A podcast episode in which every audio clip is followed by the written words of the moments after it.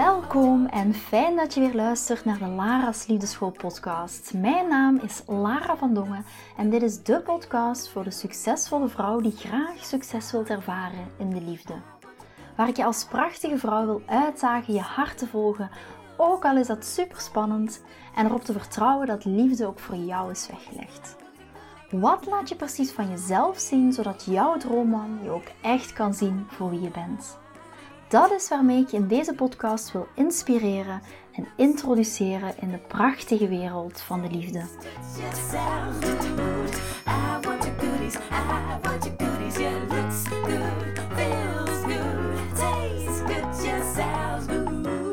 In de aflevering van vandaag gaan we het hebben over het bemoederen van een man en welk effect dat bemoederen heeft op die man en op je relatie op lange termijn.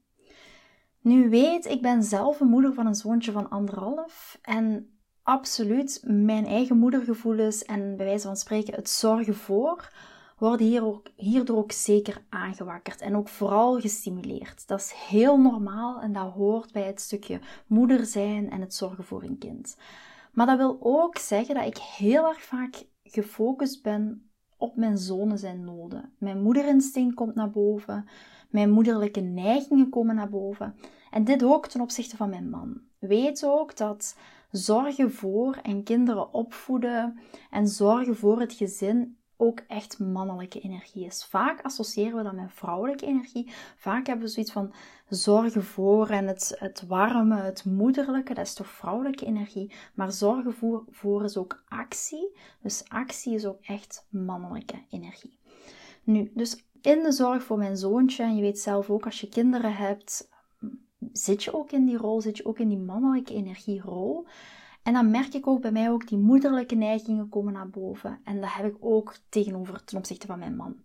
Nu, wat komt er dan zoal naar boven? Uh, wat ik dan op dat moment heel vaak wil zeggen is: uh, Schat, vergeet je pillen niet voor je hart. Uh, schat, ik heb gemerkt dat je gisteren last hiervan had. Let je daar wel eventjes op. Schat, doe je wel rustig aan met de chocolade. Dat is niet goed voor je cholesterol.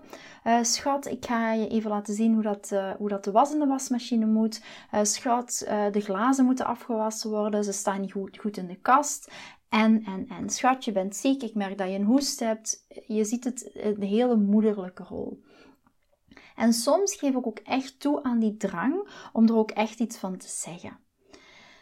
Natuurlijk, omdat ik over de jaren heen heb geleerd en ook door scha en schande heb ontdekt dat het bemoederen van mijn man, dat dat absoluut niet bijdraagt aan een goede uh, functionerende relatie. Niet alleen met mijn man, maar ook uiteraard in mijn vorige relaties heb ik dat ontdekt, dat dat niet altijd de energie is waarin dat je graag wilt zijn. En daarom dat ik net zeg van, daarom geef ik soms toe aan die drang om er echt iets van te zeggen. Ik zeg er niet altijd iets van, uiteraard, I'm not perfect either. Dus soms komen die dingen uiteraard naar boven. Maar ik heb voor mezelf echt gemerkt van, ehm, het draagt zeker niet bij aan een lange termijn relatie, waardoor ook echt die aantrekking is binnen in je relatie. En dat is hetgeen wat je ook wil. Wat zorgt voor een langdurige, langdurige relatie? Is dat die aantrekking ook echt kan blijven bestaan. En dat is waar we naartoe willen. En soms, zoals ik al zei, geef ik toe aan die drang. En als ik er dan iets van zeg, als ik echt in die bemoederende stand ga, dan kijkt Chris mij aan en dan zegt hij: Lara, ga even zitten Drink even een kopje thee. Ik kan echt goed voor mezelf zorgen. Ik ben een volwassen man. Je bent niet mijn moeder. En ga even iets voor jezelf doen. En ouch, op dat moment, dat komt echt heel hard binnen. Want de vrouw binnenin mij, die is gefrustreerd. Hè? Waarom willen mannen niet dat we hem voor hen zorgen? Waarom kunnen die mannen niet gewoon ontvangen? En de relatiecoach of de datingcoach binnen in mezelf, die moet heel vaak lachen. Want ontvangen is niet hun taak. Ontvangen is ook niet hun natuurlijke energie. Ook al is dat heel vaak een onbewust proces. Daar kom ik zo dadelijk nog even op terug. Mannelijke energie is echt geven en vrouwelijke energie is ontvangen. Misschien om het heel plastisch uit te drukken, zodat het voor jou beter begrijpbaar is wat ik hiermee wil zeggen.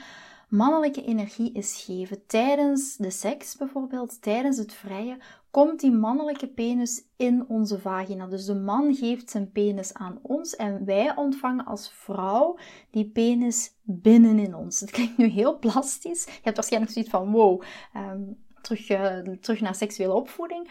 Maar zo is het wel. Dus mannelijke energie is echt geven en vrouwelijke energie is daarin ook gaan ontvangen.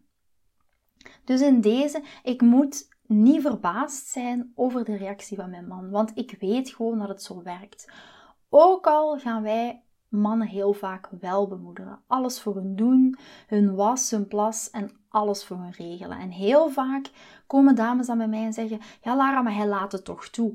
Ja, hij laat het toch gebeuren. En dit is ook de dynamiek die we de laatste jaren heel erg terugzien in de context tussen die polariteit tussen mannelijke en vrouwelijke energie. Ik had vandaag toevallig deze morgen een gesprek met uh, Charmaine. Charmaine die begeleidt mannen uh, met het hele relatiegebeuren, met hun liefdesleven. En zij gaf ook echt aan mij aan van, kijk Lara, mannen zijn ook soms echt wel in de war. Omdat heel veel dames in hun mannelijke energie zitten, weten zij niet meer hoe dat ze het, uh, het stukje, het bekoren van een vrouw, het veroveren van een vrouw, um, het het in de watten leggen van een vrouw, hoe ze dat soms moeten aanpakken. En dat is onze rol. In onze rol hierin. En onze rol is ook om daarin te gaan zakken en te zeggen: Oké, we zijn niet zijn moeder. Weet dat mannen niet willen samen zijn met hun moeder. Daar hebben ze echt een complete hekel aan. Ook al lijkt dat heel vaak niet zo. Ook al lijkt het alsof mannen zoiets hebben van: Oh ja, doe dit maar voor mij. Ze ontvangen dit ook gewoon als je van alles voor hem doet. Um, vaak is dat bij mannen ook echt een onbewust proces. En daar heb ik deze morgen met Charmaine ook over gehad van... Als je daarop gaat doorvragen, dan komt het er uiteindelijk wel uit. Dat is ook echt voor een man een onbewust proces is. Maar weet, het bemoederen van een man zorgt niet voor aantrekking met, bij een man. Samen zijn met een moeder, ik herhaal het nog eens, zorgt niet voor aantrekking. En laat hem vooral niet blijven op lange termijn. En hoe blijft een man op lange termijn is echt door die aantrekking. En die aantrekking kan die niet hebben voor zijn moeder. Jij bent, hebt een hele andere rol dan zijn moeder. En daarom zeg ik altijd, heel vaak krijg ik ook de vraag van waarom gaan mensen uit elkaar? Waarom zijn er zoveel scheidingen? Dit is een van de aspecten daarvan. Die aantrekkingskracht. Uiteraard een man wil die aantrekking voor jou voelen. En een man zal die aantrekking niet voelen voor zijn moeder. Dat is een hele andere rol. Dus wees er heel bewust van. Jij bent hierin niet zijn moeder. Want je wilt ook graag dat die man op lange termijn blijft. En daardoor, daarvoor is die aantrekking net heel belangrijk. Heel vaak is het zo dat ik ook vrouwen bij me krijg en die zeggen van kijk Lada, hij was jarig, ik heb alles voor hem gedaan, ik heb een reservatie gedaan in een hotel. Of ik heb een heel zijn lievelingsrestaurant geboekt en ik heb um, cadeaus gekocht. Ik heb hem verrast. We hebben een hele dag samen doorgebracht. Ik heb dat allemaal geregeld. En er kwam zelfs niet echt een bedankje uit. Er kwam verder niet heel veel uit. Vaak is het zoals wij dit gaan doen, en dat hangt ook een heel een stuk samen bij bemoederen. Dat wil ook niet zeggen, wil ik duidelijk stellen, dat we nooit initiatief kunnen nemen. Dat zeg ik niet. Maar vaak is het zo, in plaats van dat mannen zich geliefd voelen, voelen ze zich geïrriteerd. Want mannen, hun natuurlijke energie is geven. En vaak, als wij hun gaan bemoederen, dan voelen ze zich zelfs gecastreerd en ze voelen zichzelf ontmand. En ik hoor ook heel vaak terugkomen, zoals je zelf wel weet, als een man ziek is of hij heeft een snotneus, dan gaat hij dood. Klopt, maar aan ons is om die polariteit en om die mannelijke en vrouwelijke energie echt in balans te kunnen houden, is het daar heel belangrijk dat je hem niet gaat castreren en dat je hem niet gaat ontmannen. Je maakt bij wijze van hem op dat moment een klein jongetje dat hulpeloos is en niet weet hoe dat hij zijn problemen zelf op kan lossen. Laat hem echt in die mannelijke rol, zonder dat hem te gaan ontnemen. Want dat gaat net voor die aantrekking zorgen. En op zo'n moment herinner ik mezelf er echt aan: Lara, laat het los. Laat hem man zijn. Relax. Geniet ervan dat hij bepaalde dingen voor jou wil doen. Wees die koningin. Wees die queen. Wees die, die vrouw met dat bosbeep vertrouwen.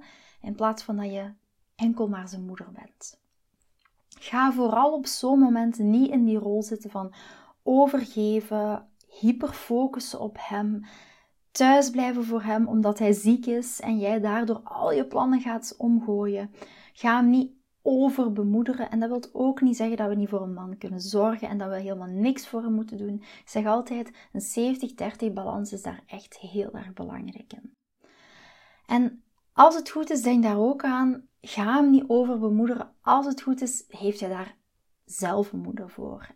Onze mannen die zien ons graag als een vrouw, als een geliefde, als een queen, als de vrouw die in die, in die overgave kan gaan. De vrouw die in haar vrouwelijke energie kan zijn. En ook echt kan gaan ontvangen van hem.